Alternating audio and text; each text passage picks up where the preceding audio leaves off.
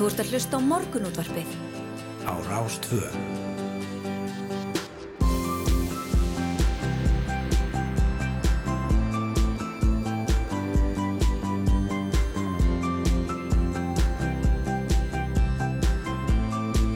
Morgunútvarpið Á Rástvö. Já, góðan blessaðan daginn. Hér tekur morgunútvarpið að stað mándaginn 9. mæ og það eru Snæra Sundardóttir og Yngvar Þór Björnsson sem að sitja með ykkur í eftirleitt eitt. Jú, einmitt og fjölbreyttur þáttur framundan. Við ætlum að e, ég ræða sömarlínu og fáskúsferði en veiting á kaffistæðurinn sömarlína þar hefur notið talsverða vinsalda síðan að var opnað þar fyrir 16 árum. En sömarlína hefur núna í um tvö ár verið til sölu og við ætlum að ræða við Óðinn Magnason eigenda og verðt á sömarlínu sem segir þó nokkur áhuga að vera á staðnum en að sé ekki alveg sama hver kaupandina verði eða hversla starf sem er verið þarna í húsinu þannig að það er spurning hvort við gerum tilbóð samlega því að Já. ræða við hann Einmitt. Við þekkjum það nú eflust flest að grípa til afsökunarinnar ég er svo ómanglögg þegar við þekkjum ekki eitthvað í kjörbúðinu sem við eigum samðarlega kannast við. Svo afsökun er þó valla gildum að fyrir um 2% okkar sem að þjásta svo kallari andlitsblindu. Nú ætlar Salfórætild Háskóla Íslands að ráða sér rannsóknu þessu fyrirbæri þar sem markmiðið er að skilja hvers vegna sumir eiga erut með að þekkja fólk á förnum vegi en aðrir, uh, en aðrir uh, já, núna er ég í ruglunu hérna. Hvernig sumir eiga ekkert erfitt Já, með að þekkja fólk á förnum vegi en aðrir geta alltaf gert grein, uh, greinamun á andlitum ömmu síns og afa.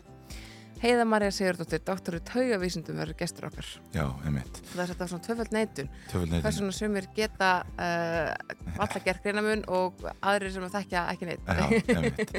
Öllust margir tengt við þetta núna síðustu mánuði í fermingaveislum Já, kemur einhver upp á manni sem svona marg kannast við en, en grýpur ekki alveg nei, einmitt, en sko svo þetta fóru mjög margir sem áttu mjög erfitt með þetta þegar grímina voru í gangi. Já, einmitt, Þekktu ekki fólk bara auksvöfnum einu saman á hárnu, einmitt þurftu, þurftu meira, þurftu starra samhengi. Já, já, einmitt En uh, jú, andlisblinda yfir í uh, dauðan uh, Málþing Jesús. Sálfræðistofnunar um dánar aðstóð fyrir fram á næstu dögum þar er fyrir að kynna niðurstöður nýrar rannsóknar á viðhórum íslenskara lækna til dánar aðstóðar auk þess sem rýndur í svona áleitnar siðferðilegur og lagalega spurningar sem varða þetta flókna viðfangsefni og við ætlum að ræða við Svan Sigurbjörnsson lækni og MA í hægnýtri siðfræði um þessar spurningar sem vakna um þessa rannsókn og stöðu þessara mála hér á landi. Alltaf verið töluvert rætt um uh, dánar aðstóð uh, í mörg ár hérlendis uh, og verið áhugavert að heyra hvað nákvæmlega er verið að rannsaka og, helstu niðurstöður. einmitt, og svo sveitist kostningarnar. Jú, jú, einmitt við hér í morgunútarpinu höfum síðustu mánuða að fjalla um málefni sem tengjast kostningunum 14. mæ og í þetta skipti alltaf verið við auði önnu Magnúsdóttur, framkvæmdastjóra landvendar um umhverfismál og landvend sem eru málefni sem hafa kannski oft verið ofar á blaði flokka fyrir kostningar. Já, en það er samt svona málefni sem er mjög oft talað um að, sjáist ofur lítið. Já, Svona eitt af svona stóru, stóru málum sem að ég bara við verðum ögnjum öll að láta okkur varða en svo komast þau ekki inn í sko, umræðunar fyrir kostningar. Nei, nei, merkilegt. einmitt, það er mjög merkilegt og hérna, þess nú geta við, við verum hér á kostninganótt Já. Snærós, Já, já, ætlum að, að vaka með fólki og, heyra helstu niðurstöður. Emitt og vonandi tala við eitthvað skemmtilt fólk vitt og breytt um land. Já, já, já, já, það er spenn, spennandi kostningar framöndan Algjörlega, Mm. en uh, eins og yngur bendir á þá er bara komið aðeins varandi kostningarnar, það er þó því þá líka að það er komið aðeins varandi Eurovision.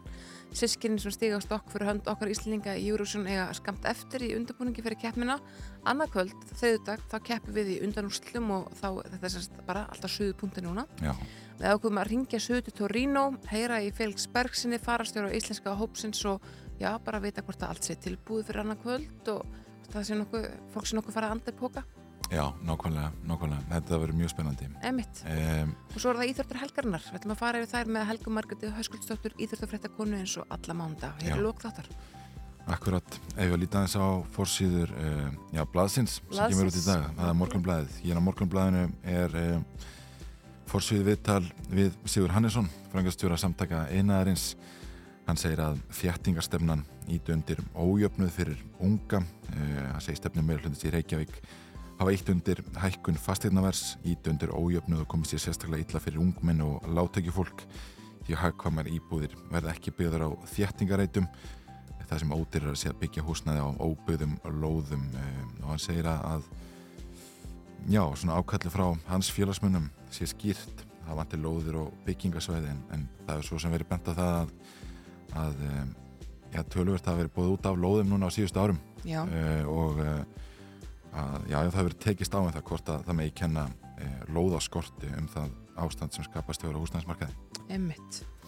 Hér á forsiðu Rúf hefur mikið verið að gerast í nótt í sérstaklega erlendeldinni. Já, já, Hér segir að áfrýnandómstól ákveði í dag hvort að fangilsistömmur við François Fillon fyrirverandi fórsættisræðar á Fraklandsverði staðfestur.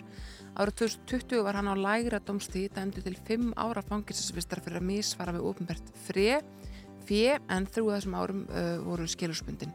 Fillon var gefið að söka hafa haft Penelope eigingunum sína á ofinbæri launaskrá um ára bíl á þess að hún inni hand takk. Þannig að það er ákveð stíl en það er rólulegt. uh, að núna sérst krefjast uh, saksónar þessi áfrínandumstólnum að François siti af sér allan fimm ára dóminn og greiði 375.000 evra sektargreiðslu til viðbútar en fara fram á að Penelope fóða tveggjar og skilspötu dóm og 100.000 evra sekt. já, Þau var bæði að ætti haldið fram að hún hafi raunverulega unni fyrir launinu sínum þótt vinnuframlæðið hafi ekki verið sérstaklega mikilvægt en ólíklegt þykja að þau hjón verði viðstödd dóms uppkvæðninguna. Það er áhugavert mál. mjög, mjög svo, já. og svona, em, emmitt, þetta er eitthvað sem að maður er svolítið svona, svona ekki fyrst skipti sem að maður sér þetta. Hjá, hjá stjórnmálamönnum sem eru ögnin að víla og díla með það að makar sínir sjá, eins og sé, þetta, þetta, þetta gerist. Þetta gerist vissulega. En uh, það verður tölvöld fjallað um uh, komun netverslana með áfengi síðustu misseri það er fjallað hér um það í morgunblæðinu síðu fjögur að en þessar netverslanir eru með lítið brot af markaði. Tölur um áfengiskaup notenda meninga sína mikla yfirbörði átjáðaferð ef við skoðum hérna markaðsluteldina þá er vinnbúðið með 97,4% já, Sandevæns með 1,4%, eh, nýja vínbúði 0,8% og Bjórland 0,3% þannig að það er ljóst að flestir Íslendingar eru enn að fara þessa hefðbundnu leið það kemur að því að kaupa sér áfengi og vesla það í vínbúðinni mm. emmitt, já, já eins og ég segi, það er eitt og annað skemmtilegt erlend hér á uh, forsýðurú.is Hér segir að millanur íbúa Peking, höfuborgar Kína, hafi haldið sér heima við í morgun en borgarið vil hafa smá sem að koma á ferðartakmarkurinn sem ætlaði að koma veg fyrir útbryslu COVID-19. Í gær var skert og tilmælum til borgarbúum að vinna heima. Sko, ég ákvað að fletta upp, er ég ekki örugglega að lesa frétt frá þetta? Jú, jú, þetta er 9. maður 2022. Uh, Jarlæstastöðvar voru margar lokaðir í morgun, skrifstofu mannleysari Chayong hverfi því fjölmennasta í borginni og borgarbúar óttast að skamt sig í að greipi verið til jafn harkalæra aðgerða og í Shanghai en þar hefur flestum af 25 miljónum íbúin að verið gert að halda sér heima í nokkrar vikur. Þrátt fyrir að borgarsögnum þar staðhafi að tekist af að hamla útbryslu hefur enn verið bætt í aðgerðir. Yfirstandi bylgi er svo harðasta sem kínverðar hafa þurft að glíma við frá því að kórnuvaldurinn skall á og öllum fyrirtækjum sem ekki veita brína þjónustu var gert að loka í Tjájang. Meira að segja var starfsmönnum tölvuverslunar fyrir skipið að loka henni örskömmu eftir hún var opnið í morgun. Nokkur 109 tilfelli hafa grinst í Peking, Peking síðustu vikurnar, þar að 49 í gær. Það er, hlutvarslega fá tilvik en nægilega mörg til að yfirveldum þykir brinda að grípa til aðgerða. Já, það hljóma nú 49 í markmiljónuna. Já. Það er nú ekki, Nei, það er nú ekki mikið nei, En uh, við fyrir bráðlega að skipta yfir á fréttastofun ætlum síðan að, fjallum eitt og annað við ætlum meðal hans að fjallum Eurovision sem við tölum hérna stuttum á hann Mm. Ert þú hann spennt sjálf? Fyrir Euro, já, sko ég er mikill Euro aðdándi, ég verð bara alveg að viðkjöna það, ég, hérna, ég, ég hef alveg ofslega gaman að þessu. Já, einmitt, þetta er einhvern veginn, þetta er skemmtileg fjölskyldustund og gaman þegar mann er búið í gott partí allavega. Já, algjörlega. Það er einmitt rætt hérna við um, já, sýsturnar og, og, og hann Eithor einmitt á um, fréttablaðinu og, og þar er Eithor við talaðum það að Eithor hafi slegið rækileg gegn í viðtölum og verið kallaður sætasti strákurinn í borginni. Já, og um, já, hann hérna ok. var spurður út í það og, og hérna og stelpurnar að sýsturnas svara já. En uh, hann segist já, hann ítrekkar hér að hann sé einnar konu maður takk fyrir þetta rós og en það er aðeins ein sem fær mig og hún heitir Sika Karin og býður eftir mér heima. Æ, Eh, já, þetta er ágætt eh, en þau stífa svið á morgun. Á morgun, já. En við ætlum að vera skiptið vera fréttastofuna, komist ekki lengra núna, ræðum um við meirum Júravísson hér á eftir. Þú ert að hlusta á morgunútvarpið á Rástvöð.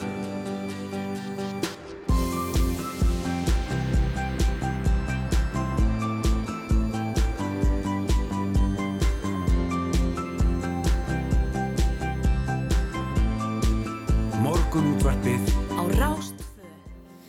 Jújú, morgunúttarpið býður góðan dag mánudaginn 9. mæ, sjöfréttir að baki og það er Yngvar Þóru Snærós Sindardóttir sem verður hérna með okkur til klukkan nýju í dag að fjölbreytti þáttur framundan við ætlum að ringja á Fáskrúsfjörð um, heyra þar í eiganda sömarlínu það staðurinn hefur verið núna verið til sölu í tvö ár mm. notið talsverða vinselda síðustu 16 við ætlum að um, ræða réttin til að uh, deyja Já. en um, málþing siðfræðistofnunar um dánar aðstóð fyrir fram á næstu dögum þar er fyrir að kynna niðurstöður nýra rannsóknar á viðþórum íslenskar lækna til dánar aðstóðar og sínur að kostningarnar við ætlum að ræða við landvendum umhverfismálin.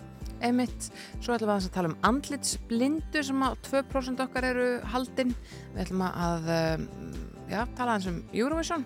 Já, Þú veist ekki bara að minnast á það? Nei. Og svo Íþróttir helgarnar. Nákvæmlega, nákvæmlega. Það er náttúrulega hérna stígum að sviða morgun í um, sungagefni Örskóla sjónastöða Já, einmitt, og hérna algjörlega. mikil spenna núna fyrir því. Já, já, eðlilega. Þetta er bara, sko, við náttúrulega lendum í því, við lendum í dollu síðast. Já, einmitt. Þannig að, að, hérna, að það var mjög leðilt að, að landi því þannig að það má segja að þetta sé í fyrsta skipti hvað sé, 2019 sem að við keppum í Eurovision. Já, akkurat. svona stígum og stokk. Já, nákvæmlega. Og það má búist mikil sjónasveislu þarna næsta lögadag þegar bæði verða kostningar og úrslitin í Eurovision sem við verðum vonandi í Það, það er að við tvö, já, við tvö verðum vonandi í úrslitum Eurovision. já. Það áskil núna. Við verðum, eh, við verðum hér með um, kostningavöku Já. í útarpinu. Þannig að það verður skemmtileg tónlist og svo ringjum við um all land og heyrum hvað fólki finnst um niðurstöðunar svona í sínu hérna, bæjarfélagi og kjördami og allt þetta. Já, einmitt, tökum við fólki sem eh, kemur úr Eurovision partíinu og, og vil svona hérna fá. Einhverja músík í bland við kostningavökuna. Algjörlega, já, já, já, og svo bara auðvitað, hérna, já, bara taka púlsinn, ringir í kring og heyra hvað líka, hvað eitthvað er svona greinundur hafa að segja um stöðuna og bara eitt og annað. Já, einmitt. Það er bara skemmtilegt, sko. En um, veðurfræðingurinn sem skrifar hugleðingar veðurfræðings, um, hann er ljóðurætt, getur við sagt í dag. Já, Hann segir sumar og vetur berjast um völdin í veðrinu á landinu næstu daga. Það fyrir mér hægur vindur og sumstaðar skúrir í dag en kólna með rigningu eða slitt um landið norð-vestanvert í stifri norð-austanátt. Og norð-austanáttin ræður síðan ríkjum á landinu á morgun og verður vetralegt um að lítast norðalands með snjókomu eða slittu á köplum og sunnum til á landinu er sólin að hlý okkur sérstaklega það sem dálítil Já, dálítið skjól er fyrir norðanáttinni. Og kólnar þó smám sama þegar líður á vikunum í jæljum og frosti fyrir norðan en úrkomulítið sunnan heiða og heldur hlýra í veðri. Og það er síðan ekki fyrir ná sunnudag að norðanáttin gefur eftir fyrir suð-austlægum áttu með hlínandi veðri. Og ef við lítum hérna á kortið á veð, veðustofunar þá, e, þá er nú til dælu hlýtt í dag og, og bara bjart fyrir austaland e, en þegar líður á, á vikuna þá meðum við alveg búist því að að sjá eitthvað snjókott það er setjum tíma blues, eins og ég segi alltaf. Mm. Já, bara, við viljum ekki spá í morgundeginum, við spáum bara í hvernig það lítur út í dag, það lítur svona allt í lagi út. og þá er nú hérna til dælu að jákvæðar fréttir á vegagerðarinnar. Já, það eru enga tilkynningar um færð og ástand vega í gildi og vegagerðarinnar á þessari stundu og það er svona leggja til einhver að við uh, já, sláum botnin í þessar viðfrettir og spilum bara vorið með GTRN uh, og reynum að að fresta þess að breyta þess viðspáni okkur í hag.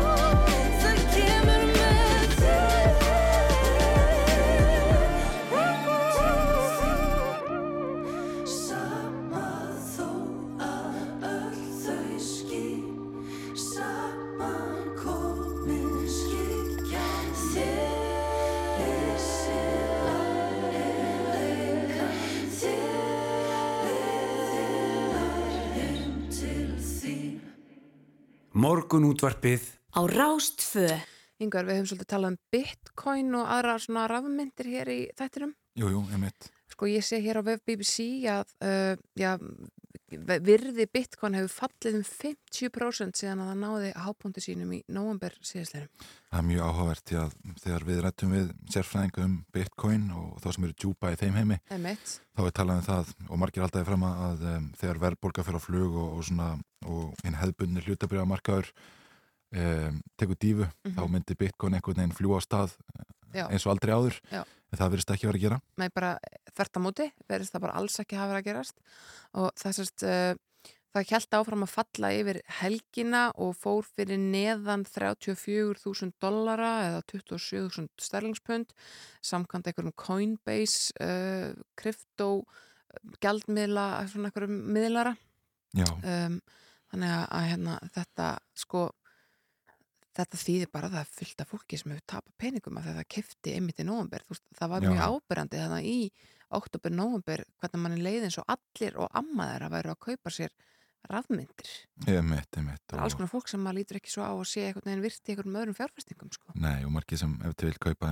einmitt þegar það er að bitcoin er í hæstu hæðum já, eða þetta er svo sem ágætt fyrir þá sem eh, ég gefti til að byrja með því að, að myndin hefur já, já, virði myndarinn hefur aukið sem 430% frá upphæði einmitt, þeir sem hefur kipt á þann strax í byrjun en, en á, í á haustmánuðum þá er verið að segja bara að þetta mun engan enda taka þetta mun bara, mun bara halda orma að hækka og hækka og hækka og það getur ekki annað gerst og þetta búið að vera alveg þetta þetta, ég ætla bara að segja, þetta er algjör spáköpmennska, það er það sem þetta er. Já, það er, það er hérna einhverju sem halda því fram og, og eflust eru sko 95% af þeim sem kaupa bitcoin að kaupa þetta af spákaupmennsku. Já, síðan er einhvað hugsun af fólk að inn á milli sem vil ekki miðstýrðan gjaldmiðl eh, en margir auðvitað að reyna að hagnast.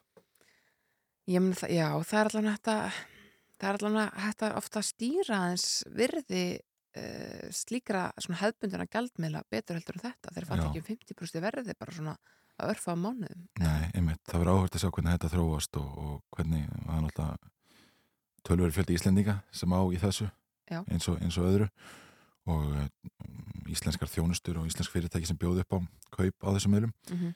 þannig að það hérna, þetta er mikil já, þetta verðist vera mikil áhættu fjárfesting Já, og svo sem að Ísland, sko, íslenskir svona hérna mm, aðilar þess, veist, sem að á, á markar er takandi, fólk í sælabankan og svona, það hefur varað við nákvæmlega því að þetta sé áhættu fjárfesting þetta sé ekki, sko, einhvern veginn sannreint í raun og veru. Það sé Mm. það nýtt og, og það sé ekkit, ekkit virði á bak við þetta, skilur það er engin gjaldirisvaraforði eða, eða eitthvað þá veruna eins og minna Ásker Jónsson hefur ítrykka bent á þegar talaður um gengi krónunar þá segir hann alltaf já vegum umtalsan gjaldirisvaraforða það hefur verið passað upp á að gjaldirisvaraforðan sé góður mm sem er eitthvað svona liður í þessu öll saman skilur, en þarna er ekkit það er engin það er ekkit Já. það er að, sko, haldbært á bakvið bitcoin einhvern veginn, ef virðist vera. Núna fáum við örglega Að- að sama- hálfskipla einhvern tölupústum já, já, að samanskapi er hérna, er þetta takmörku auðlind að vera að grafa eftir þessum myndum og, Já, og á já. einhverju tímapunkti þá er ekki meira til þannig að einhvern veginn samkvæmt þessum hefðbundnu hafræðskilgrinningum þá ætti verðið að aukast hægt og bítandi en hvað gerist, En það hvað veit maður gerist? Einmitt, sko, og þetta er þetta að þú nefnir nefnir hana gröft, þá hefur hann þetta verið hérna, ja, mikið með tannan fólki eh, varandi umhverfisum hér á landi, Já. rávorkunýtingu ekki þessi yðnaður tekur hvað, 5% af orkunni eða eitthvað það er eitthvað svona það er eitthvað svona, það er mjög hátt. Akkurat, akkurat já, við höldum áfram að fylgjast með þessu uh, út frá öllum hliðum einhvern veginn núna á næstu missurum algjörða, en uh, við ætlum að fá annað lag, þetta er uh, Cosmic Love með Florence and the Machine. A falling star fell from your heart and landed in my arms. I screamed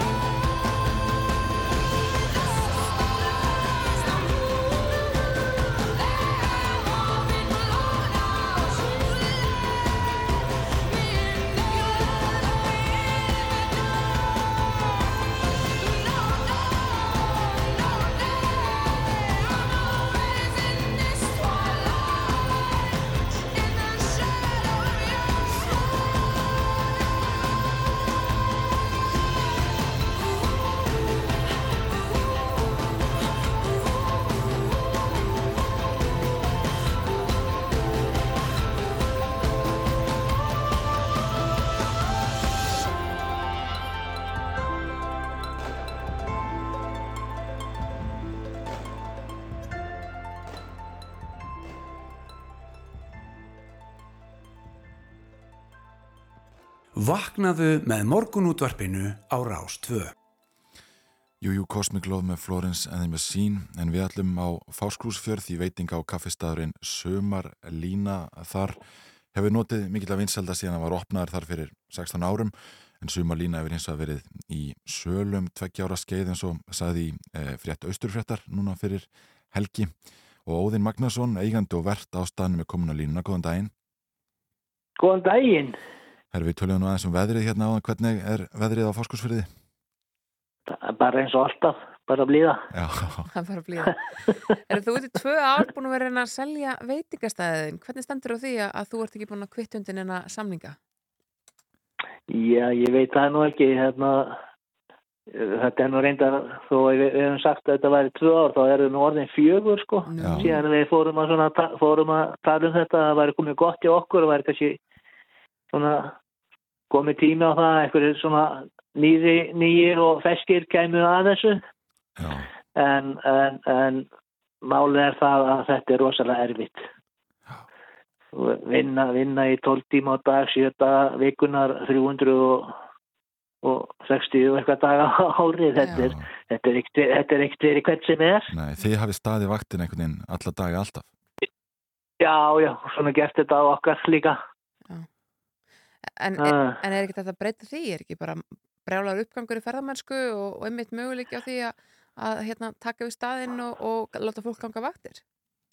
Jú, þetta, þetta, þetta er sko, þetta er akkurat tíminn fyrir nýja aðeila að taka við einhverju svona vegna þess að, að, að það er svo mikil uppgangur. Mm bæði bara í, í ferðarþjónustunni og, og, og öðru ef, að, ef að ég til dæmis væri að, að byrja þennan rekstu núna var ég í mjög góðum álum sko. Mm Já, bara, bara, bara strax bara strax á nokkrum mánuðum þá var ég, þá var ég bara í, í sko bara í toppstandi með þetta. Já, einmitt. þetta, þetta, er best, þetta er besti tími sem að þetta er að hugsa sér fyrir nýja rekstra að taka við einhver svona rekstri sko. Já, þú talaði um það ef, ef, hérna. við tök, ef, við- ef, við- ef við tökum bara daginn í gær vertiðin er ekki byrjuð, við erum að tala um rúmlega hundra maður sem verður komin á staðin sko. Já, einmitt. Þannig að ferðarþjónustin er að taka við sér. já, já, Já, og svo er bara svo er bara lokalinn og, og, og nærsveitungarnir svo duglegir að nota þetta líka sko. hvernig staður er uh, sumarlína? Sunnalína er, þetta er gamalt einbýlishús, þetta er byggt 1929 og, og, og húsið er bara svona nánast orginal eins og það var bara þegar, að, þegar að þetta var svona, svona fjölskyldu staður sko. Mm. Þetta er ásanlegt Já. og ég, maður, maður heyri það, fólk sem situr þarna inni að það er svona, það slakkar á. já, já, einmitt. En, Svona, það, er, svona, en er, er það að bjóða upp á fisk og súpu eða er þetta hambúrgarar og pizza? Hvað, hvað er það að bjóða upp á? já, það er nefnilega skemmtilegt að við, við þetta að matsiðillin er rosalega stór. Þetta eru pizzur, þetta eru hambúrgara, þetta eru súpur, þetta er fiskur, þetta er, þetta er hérna, lamp og, og pasta og krepes og bara nefndu það sko. Já, en þú nefndir hérna í viðtali við Östurfrétt að þér væri ekki alveg sama hver það væri eða hverslega starfsemi væri núna áfram í húsinu og, og hérna og nefndi það að þú vildir að að staðurinn haldi sínum sérkennum hvers vegna finnst þér það svona mikilvægt? Já, það, þetta er náttúrulega þannig séð sko eini veitingastæðurinn á í bænum Mm. og, og það er kannski þess vegna sem að við þurfum ekkert að selja þetta við hjónin. Við eigum hann stað skuldlaust og akkurat við að vera að selja þetta ef, að, ef að það þýðir svo það kannski eftir mánuð að þá er ekki til neins sumalína heldur eitthvað eitthva allt annað. Já, bara eitthvað gist heimili. Þetta, þetta er Já, eða, eða bara hérna, kaffihúsi eða eitthvað. Vi, við viljum að, að staðurinn verði áfram reygin sem veitingastæður. Það er, svona, það er svona þess vegna sem maður er að segja þetta en, en, en nýjir eigundur sem koma aðeins verður auðvitað að fá að gera það sínu þannig en að, að þetta er ekkert svona akkurat, þetta verður bara að vera svona eða ekki sko, það er ekki, það er ekki þannig, nei, það er ekki þannig nýjir eigundur verður að fá að gera þetta sínu það er bara svo þess. En ef ykkur tekst að selja, hva, hva, hvað er þá planið? Hver er draumurinn? Hva, hvernig ætlaði þið að verja, verja hérna, efri árunum og öllu því? Við hefum ekki hugsað það sko, allir þau eru ekki bara að bera bústinni eða Hvað segir þú? Ætli, þurfum ekki bara að bera út postinu eða Fyrir þannig? póstin, já. Fyrir, ég held að vera nefna eitthvað framandi áfangastað sem ég aldrei heyrt um. Einmitt, já. Nei, nei við, við erum ekki að hugsa það. Við, við, erum, við erum á ung þannig séð til þess að, að vera settst í helga stein en, en, en að fara að vinna 12 tíma á dag, alla daga vikunar, það er kannski það er kannski ágætt að kvíla sig á því eftir 16 ár. Já, einmitt. Er það ekki rétt hjá mér að, Mm. sko, að, að þú sett mikill lítsmaður og staðunum sé einhver litið skreittur sko, lítsmerkinu? Já, það er lítið svona, það er lítið svona á Það staðanum, jú, það er rétt. Þannig að, að nýr eigandi þarf vantilega að styðja sama lið. ég, ég veit ekki hvort ég skil hotnir eftir eða, eða, eða gefst rákunu það í klubnum en, en, hérna, en það er aldrei að vita sko. Hann, þarf, ekki að stiða liði sko. Er virkur lýtsklúpur fyrir austan? Nei, það er bara, ég er að tala bara á landinu Bara á landinu, já, já, já, já, einmitt. já, já. mm, það er, það, er- það er, stuðni, það er stuðnismannaklubur Leeds United á, á Íslandi sem er mjög fjölsetin klubur og, og mjög virkur í, í svona félagstæði já, já, einmitt. Bestamál. Við að vonum að, að já, sumarlínu og þér gangi áfram vel. Takk fyrir að vera á línu Óðinn Magnason. ekki vandamálið, takk fyrir að ringja Takk, takk. Já, virkilega gaman að þessu uh, sumarlína á fáskursfiði sem hefur verið já, í sölu í já, 24 ár. Já, einmitt. Hann er ekkert að drífa sig að selja þetta. Þetta gengur ágætlega. Já, þetta gengur vel en þetta eru vissulega langi vindar og, og hérna tekur á. Já, já. En við ætlum að fara að skipta yfir á fréttastofuna, ætlum síðan að ræða e, já, andlits blindu Já, við heiðu Marju Sigurðardóttur, dóttur í taugavísundum. já, emitt, uh, Sálfræðild Háskóla Íslands er að fara að gera rannsókn að þessu fyrirbæri sem að, já, líklega 2% heimsbyðarinn eru haldin. Já, mjög.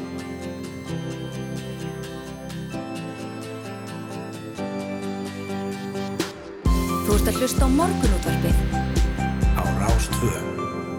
Jú, jú, áframhaldum við hér í morgunútvarpinu. Við þekkjum það nú eflaust flest að grípa til afsökunarinnar. Ég er svo ómannglögg þegar að við hittum eitthvað í kjörbúðinni sem að við einhvern veginn eh, náum ekki alveg að, að festa fingur á hvaðan við þekkjum. Um, nú ætlar Sálfræðild Háskóla Íslands að ráðast í rannsókn á því fyrirbæri sem uh, er kallað andlitsblinda og talið er að alltaf 2% manns geti verið haldinn. Heiða Marja Sigurðardóttir, doktor í taugavísundum, hún er komin inga til okkar, verður velkomin. Já, takk hérlega fyrir. Sko, andlitsblinda, uh, er það eitthvað meira heldur en að vera ómannglöggur? Eins og, og fólk hefur oft sagt, æ, ég er svo ómannglöggur. Sko, það getur náttúrulega verið að þetta sé bara einhver styggsmunur. En það að vera andlitsblindur getur, getur verið uh, kannski talsveit alvarlegra þá að fólk, uh, fólk uh, ájabal er vandræði með að þekkja manneskjur sem að það hefur oft hitt áður. Mm. Uh, ef, að, ef að hérna einhver skiptir um hárgreyslu eða einhver fer inn í fött eða fólk hittir einhvern á einhverjum stað sem að það viðkomandi átti ekki vera á og þá getur verið mjög mikið vesen og erfileikar Mm -hmm. og hérna og þetta getur valdið fólki óþægindum vegna þess að það fer það jafnvel að forðast það að einhvers konar félagslegar aðstæður að því að það geti verið að móðka fólk Mhm. uh, sem er náttúrulega alls ekki viljandi vegna þess að þetta er bara eitthvað sem að sumir eiga afskaplega erfitt með að þekkja fólk á andlitinu og þetta þó þetta þýði heiti andlitsblinda þá er auðvitað ekki þar með sagt að fólk sjáu ekki andlit það að sjálfsögðu sér alveg að eitthvað sé Mhm. andlit Já. en það er þá kannski bara eitthvað sem að fólk getur ekki alveg nýtt sér Nei. til þess að þekkja aðra þannig að það er alls konar einkenni sem fólk hefur og ég til dæmis uh, ég gæti alls ekki greint fólk af uh, höndunum á því eða eitthvað. Við, við sjáum öll að fólk um hendur en ég geti alls ekki fyrir mitt litla líf þekkt fólk á höndunum og ég geti alveg ímyndað mér að það að vera mjög andlitsblindur sé í rauninni eins og uh, það. já, einmitt. Að þegar allir aðri myndu geta þekkt að einhvern veginn höndunum sko, þá er hérna þá er náttúrulega fólk í vandræðum og það þýðir að fólk getur farið að nýta sér einmitt eins og uh, einhverja aðra öðnur vísbendi aðrar vísbendingar uh, þannig að ef, ef einhver til dæmis með rauð glerugu þá held ég að það sé uh, fólk getur að opusla fegið Mhm. af því að það er mjög einkennandi Einmitt. eða einhverju með bleikt hár eða, eða eitthvað svo leið sko. En hvers vegna er eitthvað með andlitsblindu? Hva, hvað orsaka það? Uh, andlitsblinda getur komið til vegna, uh, vegna einhvers höguðöks eða heilaskaða og þannig þekkti fólk þetta fyrst. Þannig að það hefur, hefur tiltölulega lengi verið rannsakað uh, bara sem svona áunnin andlitsblinda. Um, en og það kemur þá til vegna þess að fólk uh, fær uh, skaða á ákunnum, uh, te, ákunnum heilasvæðum Mhm. sem að eru svona að því að virðist mjög mikilvæg fyrir að þekka andlit í sjón.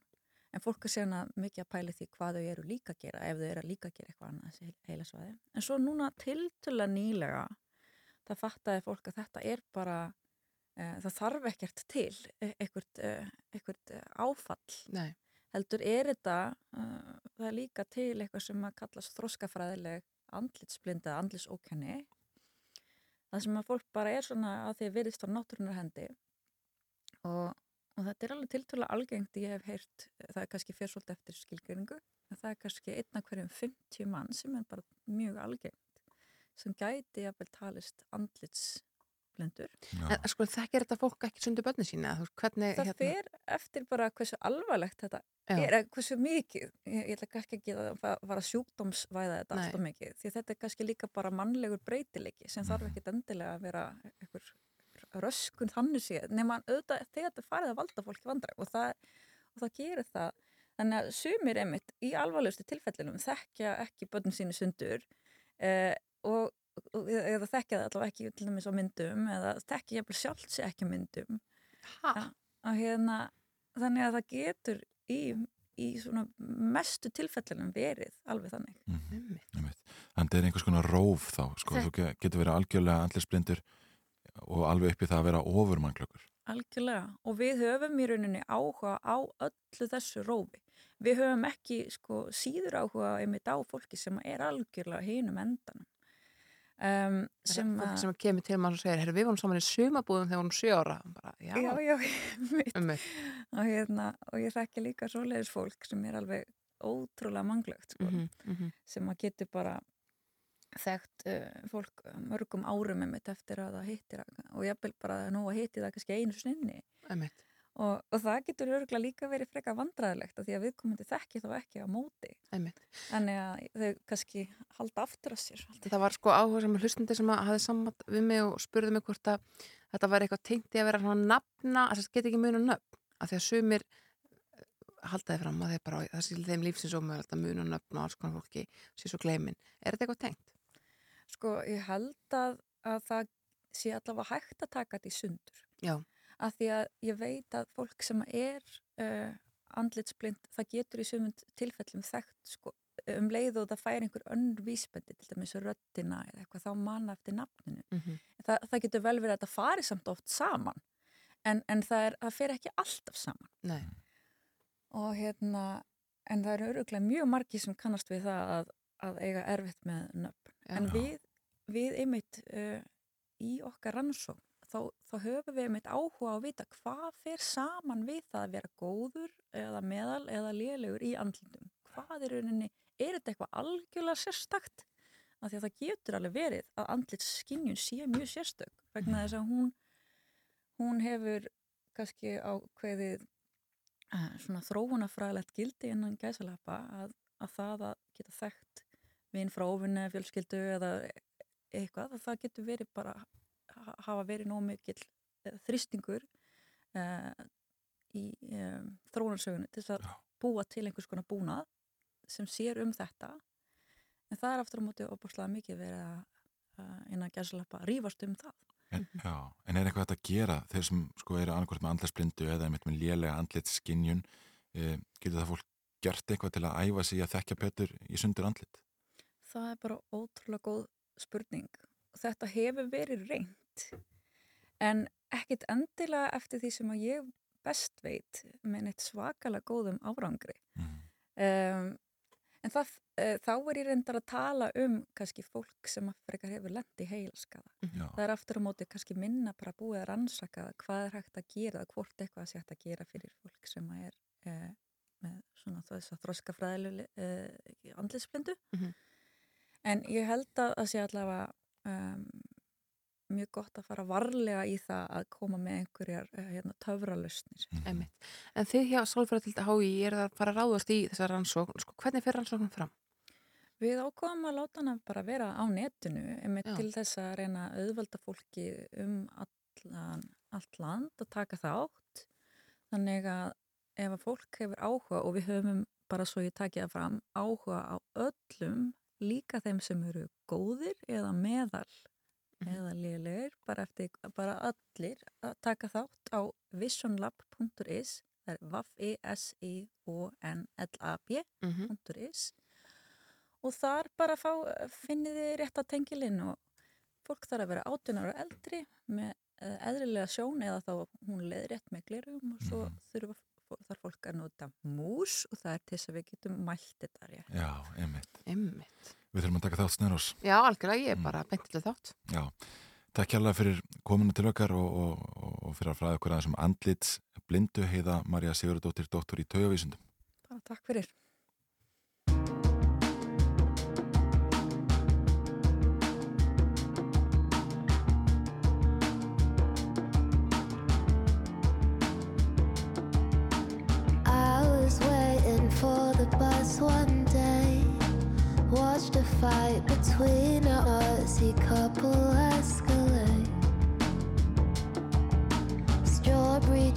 Flushed with defeated rage.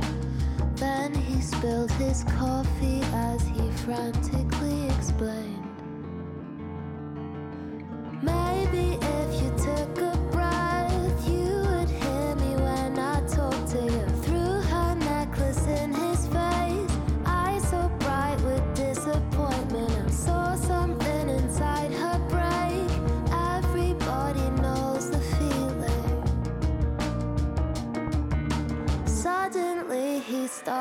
screaming.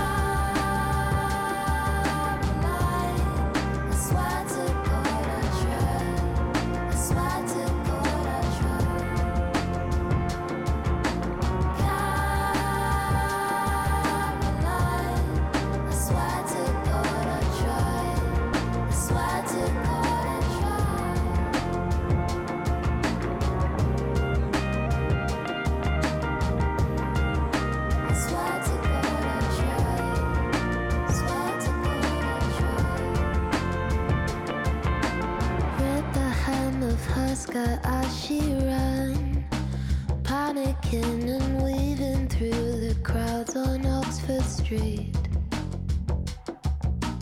Watched his world dissolve in his hands.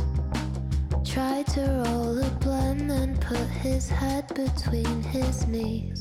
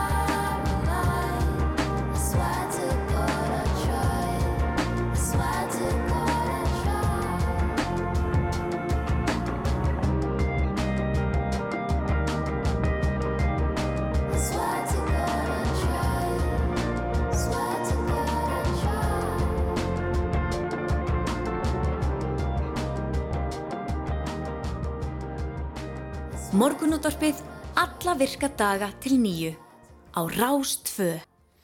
Jú, jú, morgun útarbið heldur hér áfram Yngvar Þór og Snæður og Sindradóttir með ykkur til klukkan nýju. Við vorum að ræða andlits blindu Já, þetta var lagi Karolín með Allo Park sem að spila mér. nákvæmlega og við ætlum að ræða hér já, eftir eitt annar lag þá ætlum við að ræða, ég málþing Seifræðastofnunar um dánar aðstóð hann kemur til okkar Svanur Sigurbjörnsson læknir og við ætlum að ræða hann um þessa já, nýju rannsókn um viðþorf íslenska lækna til dánar aðstóðar sem tölvist hefur verið rættum og deiltum, getur við sagt, á Mm. síðustu mánuðum og síðustu árum og jafnvel áratugum. Já, algjörlega. En uh, við ætlum að fá hana lag, þetta er uh, já, Lily Allen. Já, og lagi London.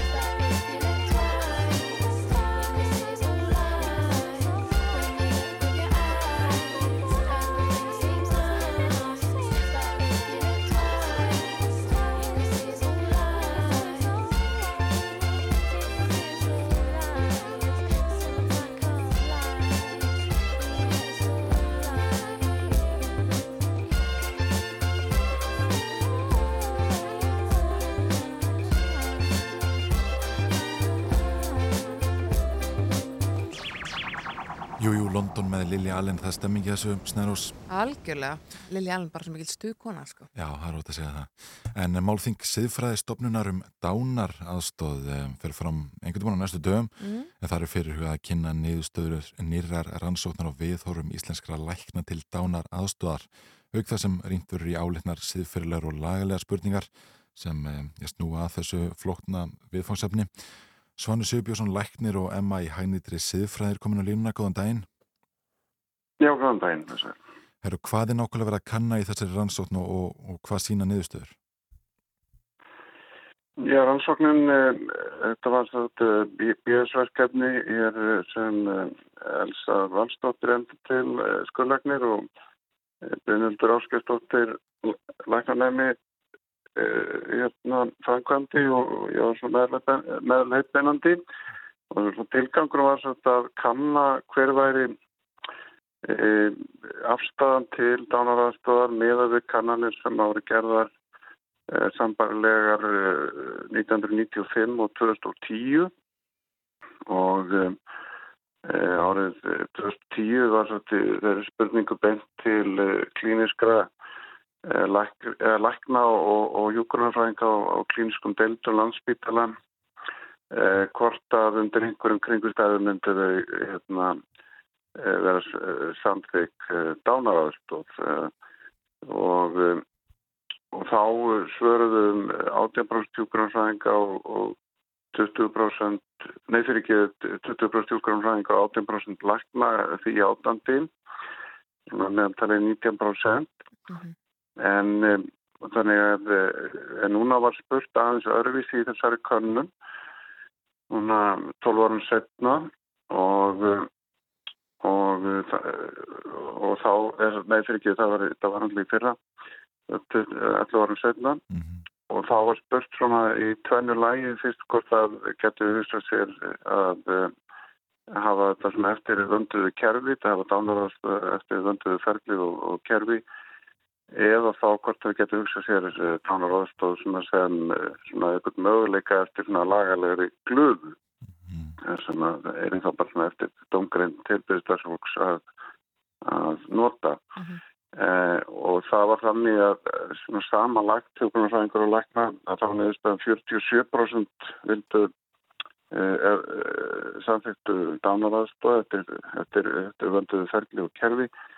Og, og 14% uh, uh, eftir svona lagalegri glufu og samtals er þetta 61% eh, sem er það samþykk um, uh, það, það leggur saman hópana lækna og hjúgrunarfræðinga og klínisku deildun landsbytalans og Og ef þetta samanlagt er sambarlegt þessari spurningu frá 95 og 2010 um að, um að undir einhverjum kringustæðum e, myndir, myndir samþykja e, dánar ástöða þá er þetta alltaf þrjaföldun á, á því sko frá 19% upp í 61%. Sko. Sko, hvernig stendur á því að þessi mikla viðhórsbreyting hefur orðið innan helbriðiskerfisins? Ég kann nú ekki beint skýringar á því. Það er nú vantarlega bara út af því að, að, að, að það hefur náttúrulega hafa orðið þróun eða náttúrulega orðið talsökt umræða um þessu mál eftir, eftir já, svona bara á þessari öld og hefur svona og, og, og fleiri og fleiri lönd er að, að taka þetta upp sko. Ka, svona stór lönd náttúrulega eins og Kanada. Og, og og það er komin eins allavega sjö fylki í bandaríkjónum, eh, byrjaði náttúrulega með Oregon 98 og núna bara í fyrir það um, spátt sko. Og, og þannig þetta er svona smá saman að, að já, Nýja Sæland líka og komið í Suður-Ameríku líka eitt, minnum mig ég maður ekki alveg hvaða landa var, Bólivía minnum mig og, og Og þannig að þetta er svona smá saman að breyðast út og, og með aðeins kannski mismöndi hætti eftir löndum. En e, og svo er þetta svona kannski bara líka svona þáttur af starri þróun, bara almennrið þróun í svona mannveitamálum, svona, svona, svona eins og við verið kallað stigur frjálsræðisins eða svona, svona sjálfs ákvarðunarinnar sko að, að En, en þú talaður um að hluti læknast til þetta út frá svona lagalegri glöfu. Hvernig eru lögin núna og hvaða lagalega glöfa er þetta sem einhverju læknar vilja nýta sér? Já, það er ekki lagaleg glöfa í íslensku lögunum sko. Nei. ekki eins og er núna, það er reynilega bara bannað þannig að um, þessi, þessi möguleiki var settu fram í kannunni allt því að svona eftir um, lærðum greinum eða fræðum greinum í sviðfræði þá hefur þetta verið nefnt sem möguleiki og, og kannski var þetta um, svona vissumarki í e, ykkur staðar erlendis e, í framkvæm þannig séu að það var ekki svona refstileys í dagvart þessu -hmm. en, en, en e, það er svo sem ekki verið neina en ég fordæmi ekki sem ég þekki um í rauninni þessa glöfur sko en, en þetta var svona nefnt sem dæmi að vera erfitt að setja þetta í kerfi svo velfæri og, og, og því væri gett þetta verið möguleiki já. og já En sko er mikill þrýstingur á heilbriðstarfsfólk að veita dánarastóð til mjög veikra sjúklinga og jafnvel frá þeim sjálfum eða, eða fjölskyttum þeirra? Nei, það er nú það er nú fátík sko. Og en, en, eh, en það kemur svona stökusinnum upp og, og það má kannski svona segja eins og svona, eh, náttúrulega kannski menningarlega ekkert mjög ólík eh, Kanada, eða fyrir ekki eins og, já, Oregon, þessum er svona svona frálsæðis um, tíðarandi.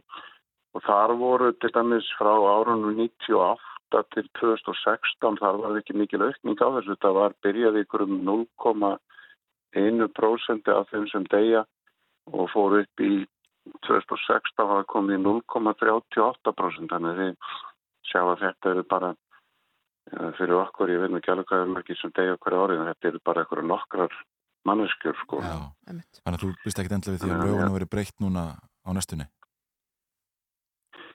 Nei, ég held að þetta sé er hlutur sem er alveg óháð fjölda, sko. Þetta er, þetta er bara svona ákveðin ákveðin svona, svona ef að þetta er, má segja að þetta sé ég telja þetta sé fyrirlega réttmætt að þá, þá ætti að breyta lögunum en, en ekki þetta, óháð óháður inninni skoðanakönnunum eða hversu margir vilja þetta Nei, nei.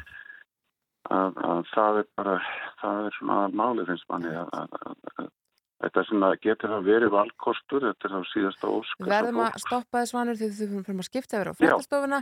Takk kærlega fyrir Já. að vera á línunni hjá okkur svanur Sigurbjörnsson Læknir. Já, takk fyrir Þú ert að hlusta á morgunútvarpið. á Rás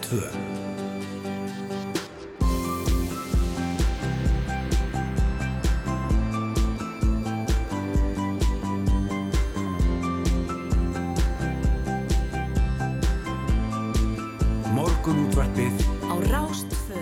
Jú, jú, áframhaldum við hér í morgun útvarpinu. Eitt og annað sem að er eftir í þættinum, hér eftir skammastund þá ætlum við að ræða við auðu önnu Magnúsdóttur framkvæmdastjóra landverndar um umhverfsmál og landvernd sem að, já, mættu kannski vera aðeins ofar blaði fyrir sveitisnarkostningar sem að verða næsta laugardag. Mm Svo ætlum við aðeins að heyra í Felix Bergsinnið hvort að allt sé reddi fyrir uh, já, Ísland á sviði Eurovision annað kvöld og ætlum að svo förum við yfir í þáttur helgarna með Helgu Margreti Hörskullsdóttur hér í Já. lokþáttar. Það er heldur betur mikið búið að vera að gerast í heimi íþrótana núna um helgina. Já, já. E, besta deildin náttúrulega í fullum gangi Mm. og e, Og einvíi bara í körfunni og, og hvaðina sko. Algjörlega. Þannig að hérna, það er að nóg að taka allavega. Einmitt, og það er leikur kvöld Valur Tindastóll uh, í ásæðakrokki ef mér skallst ekki. Já. Þannig að það er bara, það er allt að frétta. Já, já, nákvæmlega. Við ætlum að fá eitt lag fyrst, þetta er Vinur vina minna með Teiti Magnúsinni.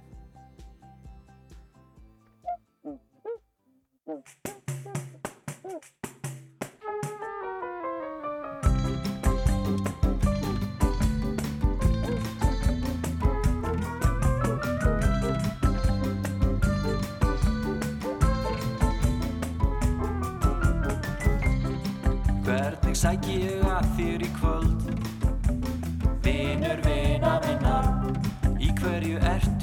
Hvað ert að fá þér í kvöld?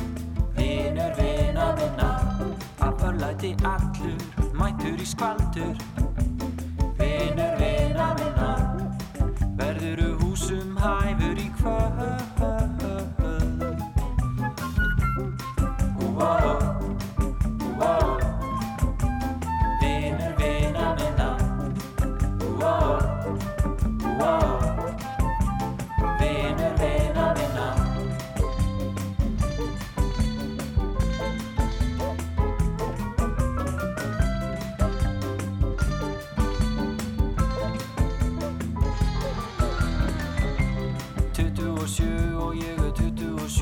Ég er tuttugu og sjö og klukkan orðin tvö. Ég er tuttugu og sjö, klukkan orðin tvö. Tvö, tuttugu og sjö. Ég er tuttugu og sjö, ég er tuttugu og sjö. Við erum saman tvö. Tuttugu og sjö, ég er tuttugu og sjö Ég er tuttugu og sjö. Og við erum alveg bæði alveg tuttugu og sjö. Hvernig sæki ég að þér í kvöld? Hverju ertu? Hvað ert að fá þér í kvöld? Vinur vina minna Að örlæti allur Mættur í skvaldur Vinur vina minna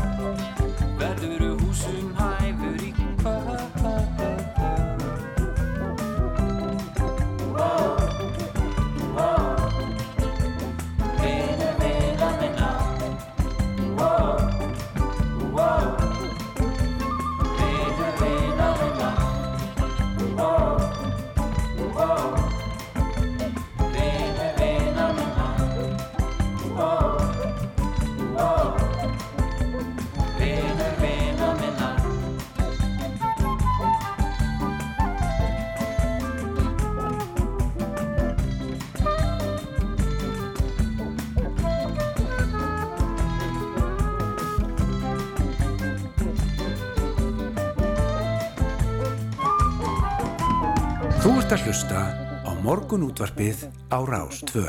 Jú, Teitur Magnússon er vinur vina sinna en uh, við hér í morgunúttarpinu höfum verið að, já, þetta endar skemmtilega þetta lag.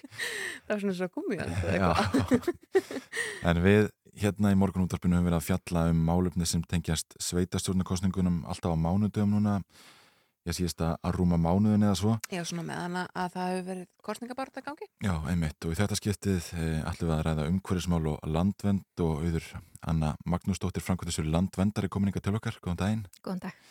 sko landvend og umhverfismál hafa að því virðist vera oft verið ofar á blæði flokka fyrir kostningar eða hvað? Já, ég held það sko. Það fer ekkert rosalega mikið fyrir umræðinu núna og við sáum til dæmis fyrir alþingiskostningarnir fyrra. Þá voru umhverfismál mjög ofalega á blæði. E, þó að það kannski ekki skila sér alveg í kjörkassana. E, en það var mikið rætt um sérstaklega loslasmál e, fyrir alþingiskostningarnar. Mm. En núna er svona fer kannski aðeins minna fyrir því. Fólk er meira að horfa í, í húsnæðismálinn og skólamál Mm sem er kannski alveg svona eðlilegt að- húsnæðismálun og skólamálun séu ábyrjanda því að það er þetta svolítið, já svona sn- snerti fólk hérna strax. En uh, varandi umhverfsmálun þau eru auðvitað mjög ólík sko eftir sveitafélugum uh, fólk sem er hér á höfuborgsvæðinu er kannski meira velta fyrir sér loftgæðum og meðan að fólk á Suðurlandi sko sér fram á að það verði virkjað í, í já, svona sveitinni þeirra. Mm. Já, þetta er, þetta er mjög mismunandi, mismunandi framkvæmdur á hverjum stað eh, en við höfum sett fram nokkra spurningar sem að kjósendur geta lagt fyrir frambjöndu sína Já. sem að eiga við í öllum kjördamum að því að sveitastjórnir bera mikla ábyrð í umhverfismálum og þetta er til dæmis úrgangsmálin. Eh, losun frá úrgangi jógst á milli áruna 2019 og 2020 sem er náttúrulega algjörlega öfug átt sem við viljum fara í Já. Og kjósendur geta þá spurt e, frambjöðanduna hvað þeir ætla að gera til þess að draga úr úrgangi og til þess að draga úr losun frá úrgangi, til þess að auka flokkun og til þess að auðvelda flokkun. Síðan bera sveitastjórnir gríðarlega mikla ábyrð á náttúruvendamálum eins og þú nefndir. Mm Mhm. Sveitastjórnir veita framkvæmdarlegu fyrir stórum framkvæmdum og þau þurfa að setja þær inn á skipulagt til þess að megi fara í þær. Og vald sveitastjórna þarna er gríðarlega mikið og þarna er mjög gott að kanna hvaða framkvæmdir eru á dagskrá í mínu sveitafélagi. Þá getur fólk skoðað aðalskipulag eða náttúrukort landvendar til að sjá þetta. Og síðan er öllum sveitafélagum skilt að setja sér loslastefnu samkvæmt lögum og e, það er mjög gott að spyrja alla frambjöðandir út í það hver þeirra stefna er í loslasmálum og hvernig stefnan verður á, á næsta kjörstjáfabili eða, eða sem sagt næstu fjögur árin í sveitafélaginu og við komum til frambjöðandi kemst að. Já, einmitt. En er mikið um það að flokka sig að, að, að lofa einhverjum framkvæmdi núna fyrir þessar kostningar? Já, mér sýnist það. Eh, Það er mjög mikið til dæmis í hérna e, Múlaþingi, hérna nýju saminuðu sveitafélagi e, á Östurlandi. e, Þar er stefnan að fara í greiðarlega miklar orkuframkvæmdir, e, bæði vindorku og, og vassaflsvirkjanir. E, Þetta er náttúrulega sveitafélag sem að hefur e, eða er í nálægð við stærstu virkjun landsins og framleiði gríðarlega mikið rámagn. Þannig að það skýtur svolítið skökku við að fara að framleiða ennþá meira ramagt þarna. Sérstaklega í ljósi þess að, að Íslendingar framleiða sinnum meiri ráorku á íbúa heldur en landi sem kemur næstu eftir í heiminum. Við erum langstæsti ráorku framleiðandi heims. Mm. E, svo er líka, má nefna Viki Mýrdal, e, þar sem á að fara í vega gerðum gríðarlega dýrmætt náttúrusvæði. E, það er ekki búið að taka ákvörðun um hvaða leið verður farin en, en það er í umhverfismati aðalvalkostur vegagerðarinnar að fara e, meðfram dýrhólu ósinum og gegnum reynisfjall. Og ég held að þurfa ekkert að brína fyrir Íslandingum allir þekkja hvað þess, þetta svæði er einstakt og fallegt e, og flestir ferðamenn vilja stoppa þarna e, vegna náttúru vegna náttúrufegurðar. Og svo sá ég í, í helgablaðinu núna bara, var að lesa hérna að ég beði frammi eh, að eh, sveitastjórnin í Vík Mýrdal vil líka setja höfn við Dyrhólós eh, sem er náttúrulega væri ræðileg skemmt á náttúrunni þannig Mm. og útsýninu Og eru flokkar að takast á um þetta í múlaþingi? Veistu það, það er svona Já. samhugur með að líbúa að ráðast í þetta? Eh, ég þekki ekki alveg hvar hérna íbúðarnir standa almennt eh, en það er ekki algjörlega samhugur hjá sveitarstjórn og fulltrúum sem eru. Það eru fulltrúar vinstri grætna þannig til dæmis sem eru á móti því að ráðast í til dæmis e, e, raunavirkjanir og, og geitalsárvirkjun. Mhm. En það er þetta skiplagsvald sem er kannski svona stóra málið þegar að fólk gengur inn í, í kjörklefan og þarf að velta fyrir sér sko að, að sveitafjölinn þau hafa skiplagsvald uh, varðandi allar þessar stóru framkvæmtir sem að, að geta komið upp, ekki satt? Já, þau hafa skipulags ábyrð uh, og þau veita framkvæmdarleifi fyrir stóru framkvæmdanum. Þannig að þau eru í raun upphafspunkturinn og lokapunkturinn. En hins vegar verða sveitafjölun náttúrulega að fara að lögum í landinu. Þau verða vir, virða þær friðlýsingar sem eru eins og til dæmis e, við reynisfjall og, og dýrhólu ós Mm. e, og þau verða virða náttúruvendalög og mjög mikið af e, þeirri náttúru sem er undir í stórum framkvæmdum sem að sveitafjölu vilja fara í e, njóta vendar 61. greina náttúruvendalaga um sérstaka vend. Mhm. e, og þetta þessi vernd verður að verða sterkari e, og sveitafjölu þurfa að taka það meira til sín að það er á þeirra ábyrð líka að venda náttúruna. En varandi loftslagsmálinn sem eru þetta svona málefni okkar allra, hvaða, hvaða snerti fyrir hafa sveitafjölun við loftslagsmálinn? Það er bara mjög stórt en þarna greinir á milli eins og þú nefndir í upphafi. Það greinir mjög mikið á milli sveitafjölega. Hérna í Reykjavík er þetta fyrst og fremst samgöngur eh, en í mörgum öðrum sveitafjölum til dæmis eins og borgabygð þá er losun svona í heilt frá sveitafélaginu langmest frá eh, framræstu votlendi. Einmitt. Á öðrum stöðum eru kannski miklir möguleikar til skóræktar eh, þannig að þetta getur verið mjög mismunandi. En samgöngur eru náttúrulega alltaf mál sem að er svona frekar þægilegt að taka á úrgangsmálin. Eh, í sömum sveitafjölögum eh, þarf að nota olíu stundum til, til, hérna, til að hita jafnvel sundlaugina eins og hefni hótnafyrði. Mm. En er, er, sko, er til ykkar gögnum það hvað sveitafjölög losa mest? Hver Eh, eru er Já, ég held að þetta hafi ekki alveg verið kortlagt nógu vel Nei. vegna þess að sveitafélagin eru því miður bara rétt að byrja að skoða hver er þeirra losun og hvar eru stærstu póstanir og hvar, þeir get, hvar þau geta tekið e, á sinni losun. Og þetta er mjög bringt að fara í e, svona grundikt, e, grundikt úttekt á því hvar er losunin mest og hvar hefur við að byrja að draga úr henni. Já, einmitt. Það er tölvöld deilt um samgöngumálinn hér í höfuborginu og höfuborgarsvæðinu öllu. Hvernig líst þér á, á stefnur flokkana hvað var þar um, samgöngumálinn og, og borgarlínu og, annað slíkt? Já, ég tel uh, og landin töfum mikið tala fyrir því að það sé gríðarlega mikilvægt uh, að leggja áherslu á fjölbreyttan ferðamáta og borgarlínan er hluti af því en það er einnig að hvetja fólk til þess að, hjóla og ganga og gera borgina og, og önnur sveitafjölug hjóla og göngu væn og það þýðir þá líka að stitta vegalengdir. Við erum alveg uh, sérstaklega dreifð borg e, fyrir svona fámenna borg þá tökum við alltaf mikið pláss og vegalengdirnar eru rosalega miklar. Já. Þannig að það er gríðarlega mikilvægt að við leggjum áherslu á fjölbreyttan ferðamáta allstaðar og við vitum það að ég vann e, eins og út á landi e, og þá kerriði fólk í vinnuna kannski 250 metra e, sem er bara skrítin vani. Það er, þetta er bara líka hugafarsbreyting sem að þarf að eiga sér stað. Eh, En svo er líka varðandi ú- úrgangsmálin, þá þurfa sveitafélagin líka að leggja áherslu á úrgang frá atvinnulífunni, úrgang til dæmis frá byggingariðnaði sem er mjög lítið flokkaður. E, það þarf að draga úr honum og, og, og, og krefjast þess að hann, hann fari í flokkun. Einmitt.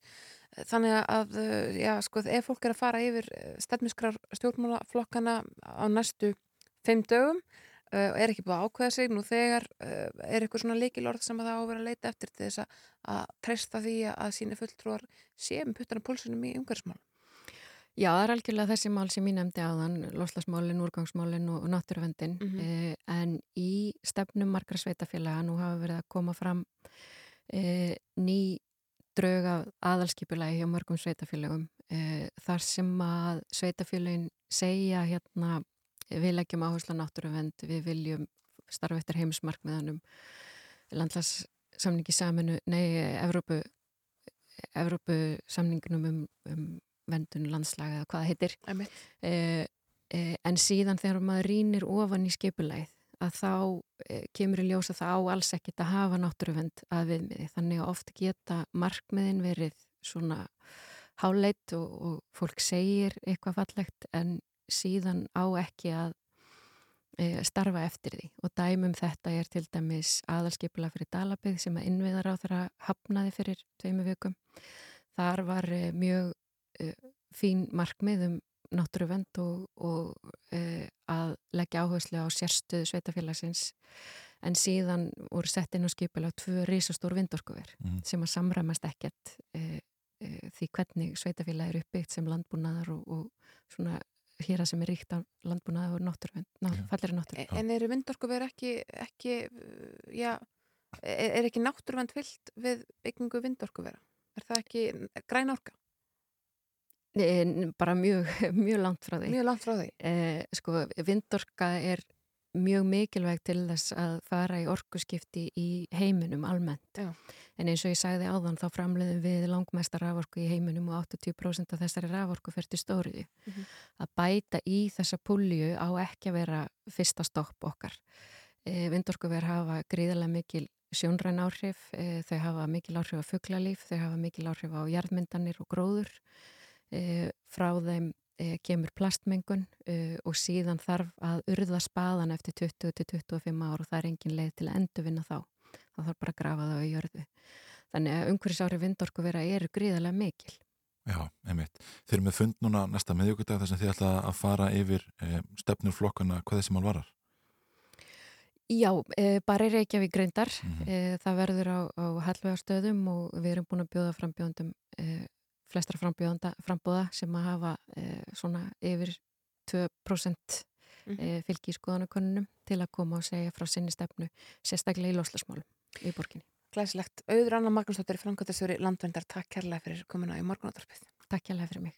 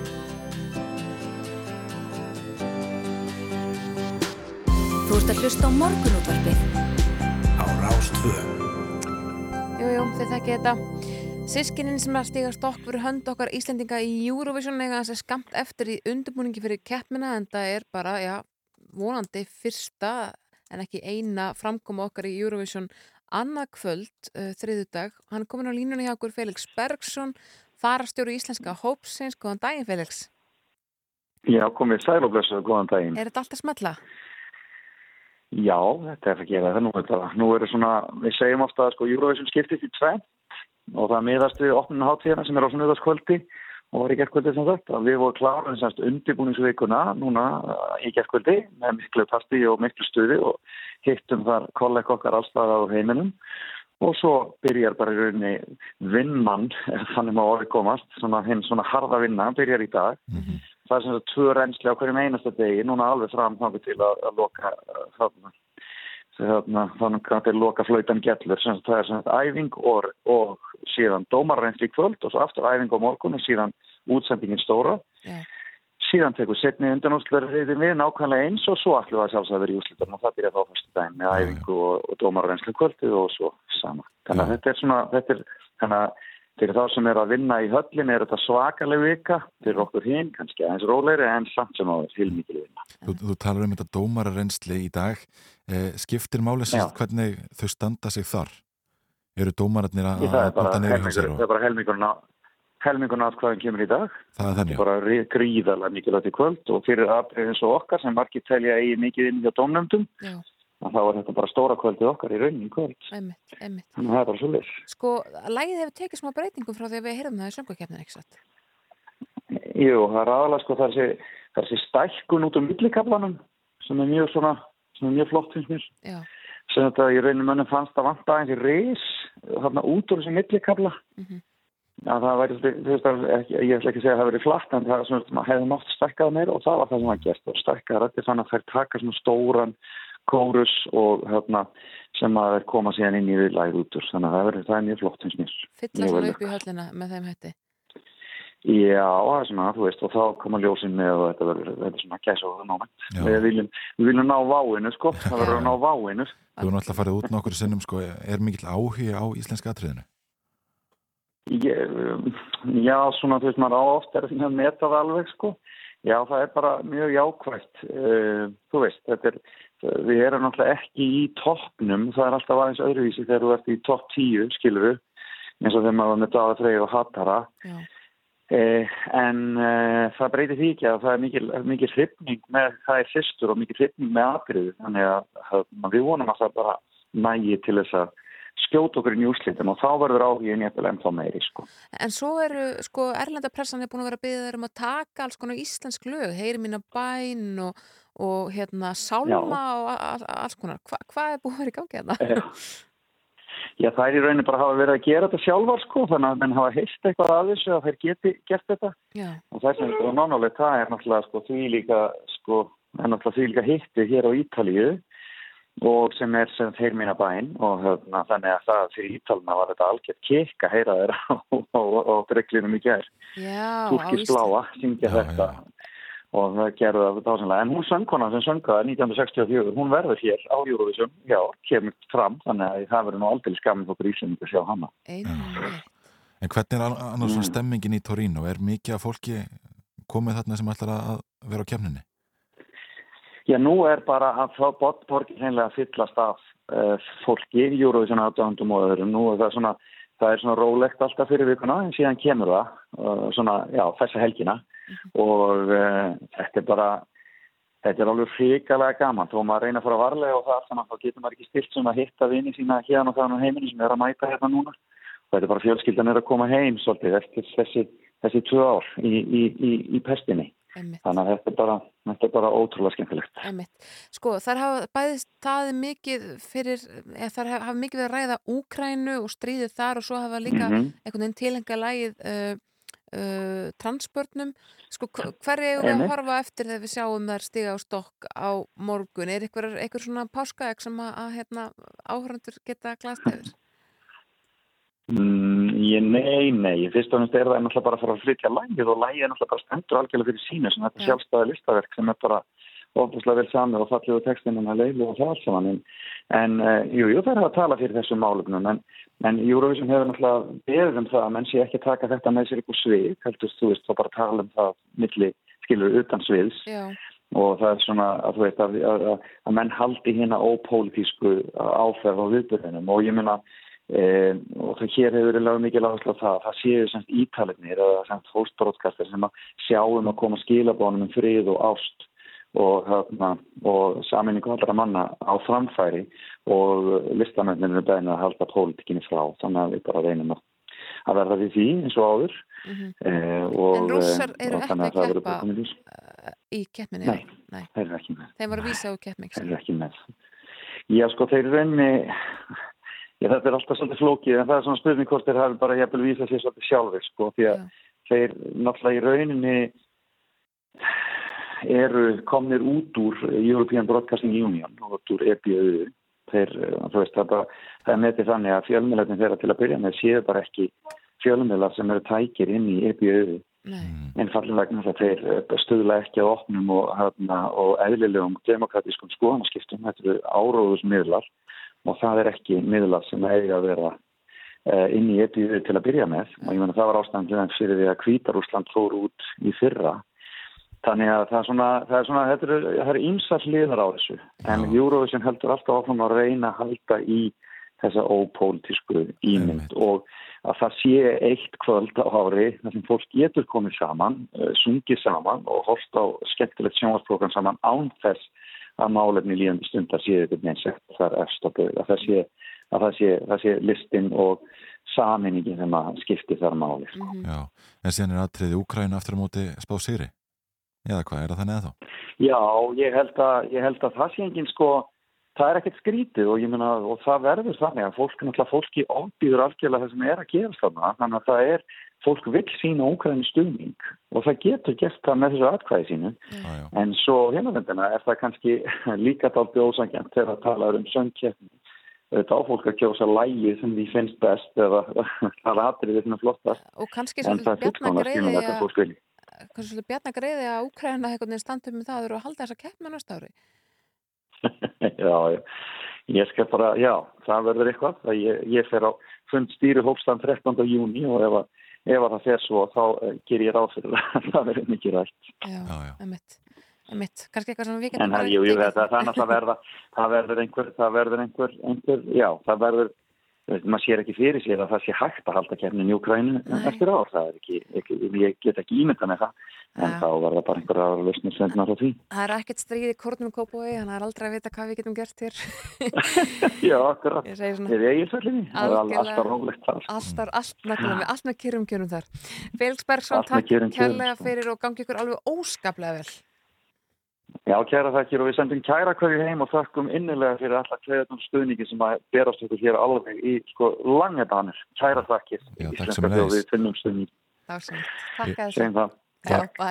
Já, Ég held að það sé rétt að uh, spila framlega okkar Íslendinga Já. með hækkandi sól með Siggu Bjöttu og Ilnu. Já, og svo getur fólk bara ímynda sér hækkurinn sem kemur í miðunni sem búið að bæta inn í, stakka lægir.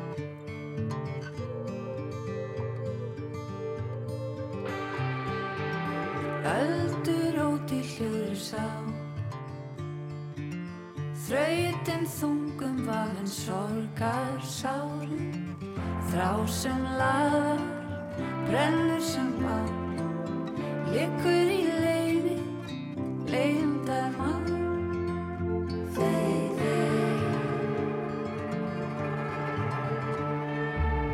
Ljósar skiptum þær að sjá. Fegurð í frelsi sem þokast nær Þó nætur hún mig skelli á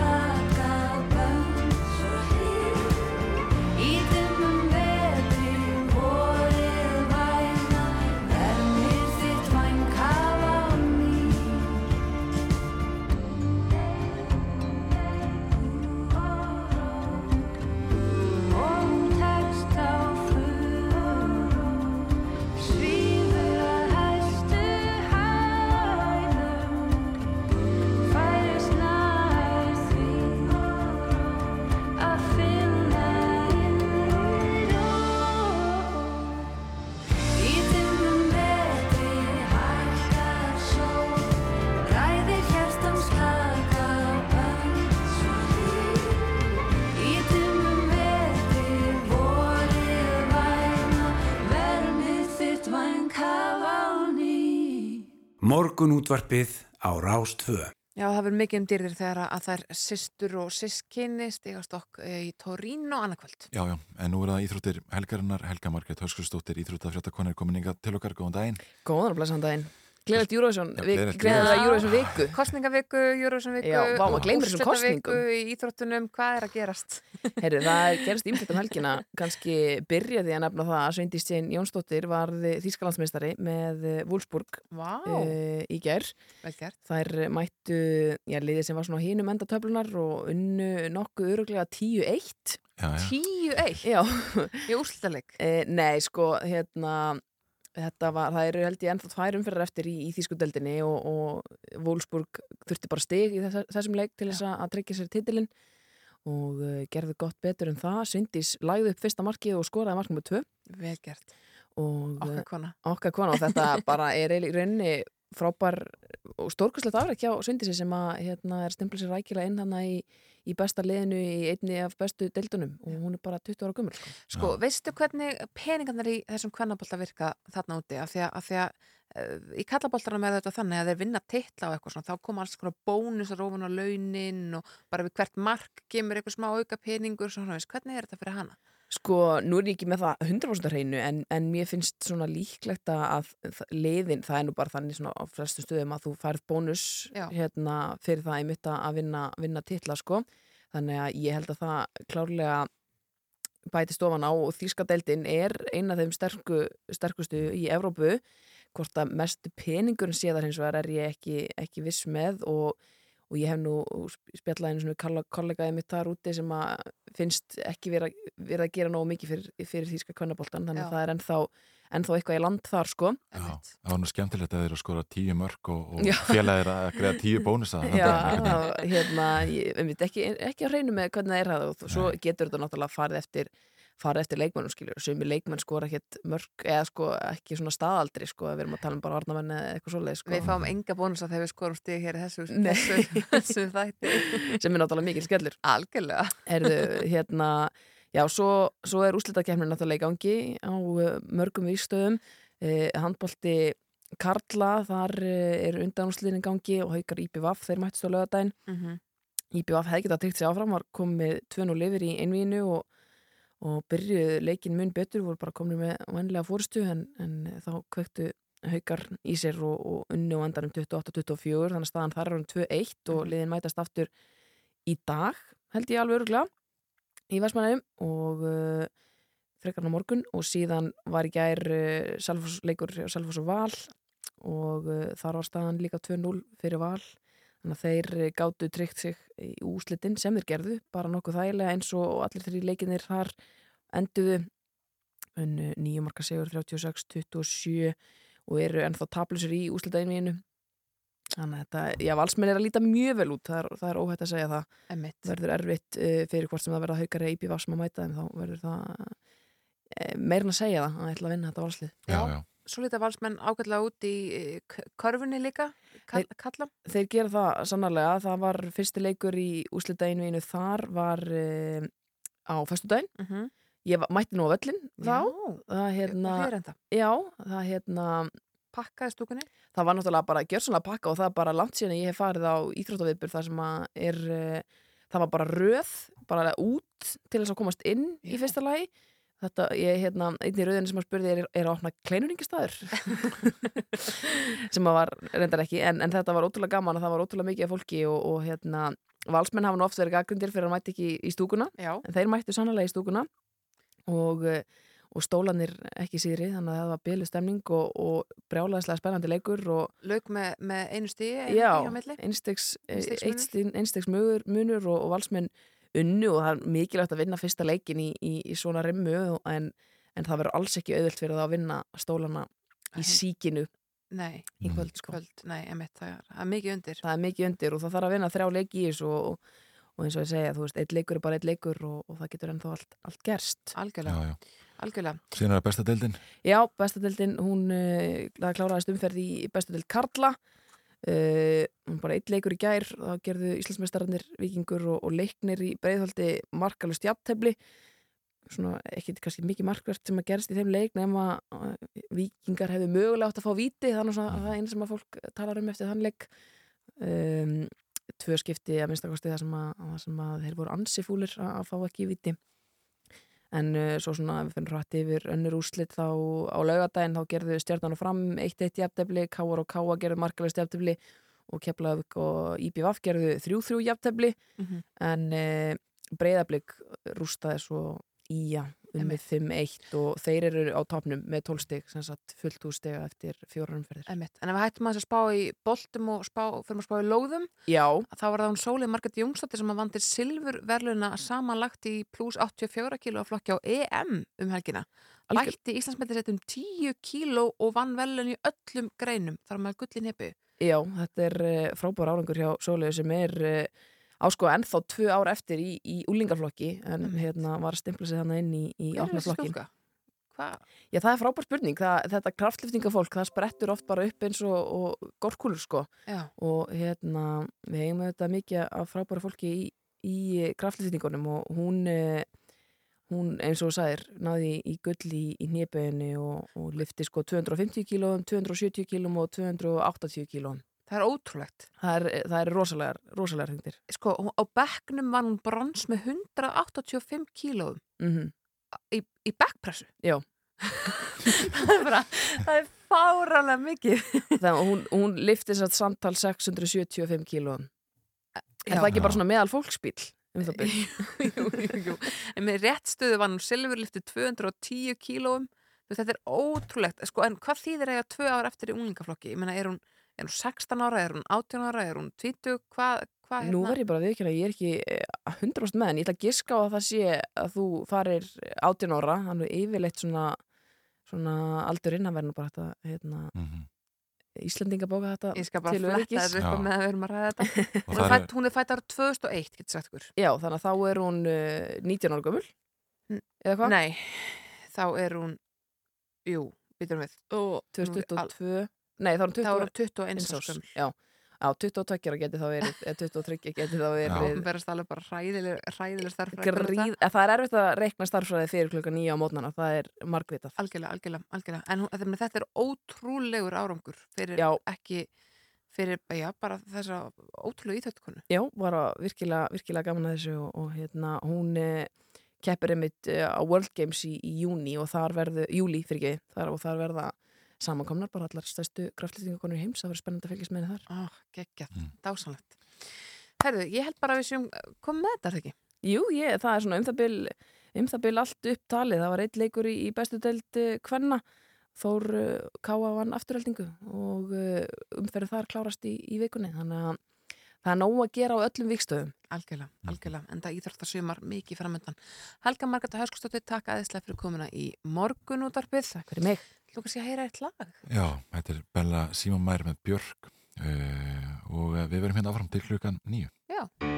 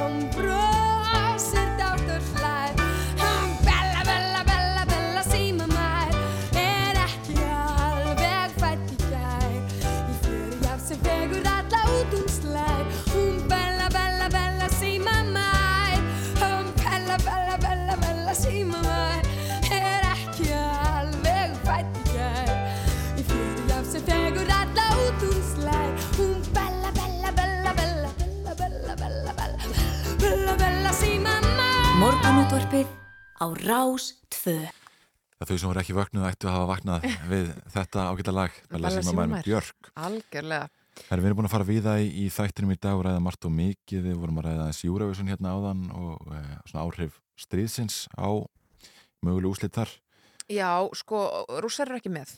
Nei, en Úkræna, sko ég held að séu 48-9% líkur á sigri Úkrænu í uh, Eurovision á þessu sinni.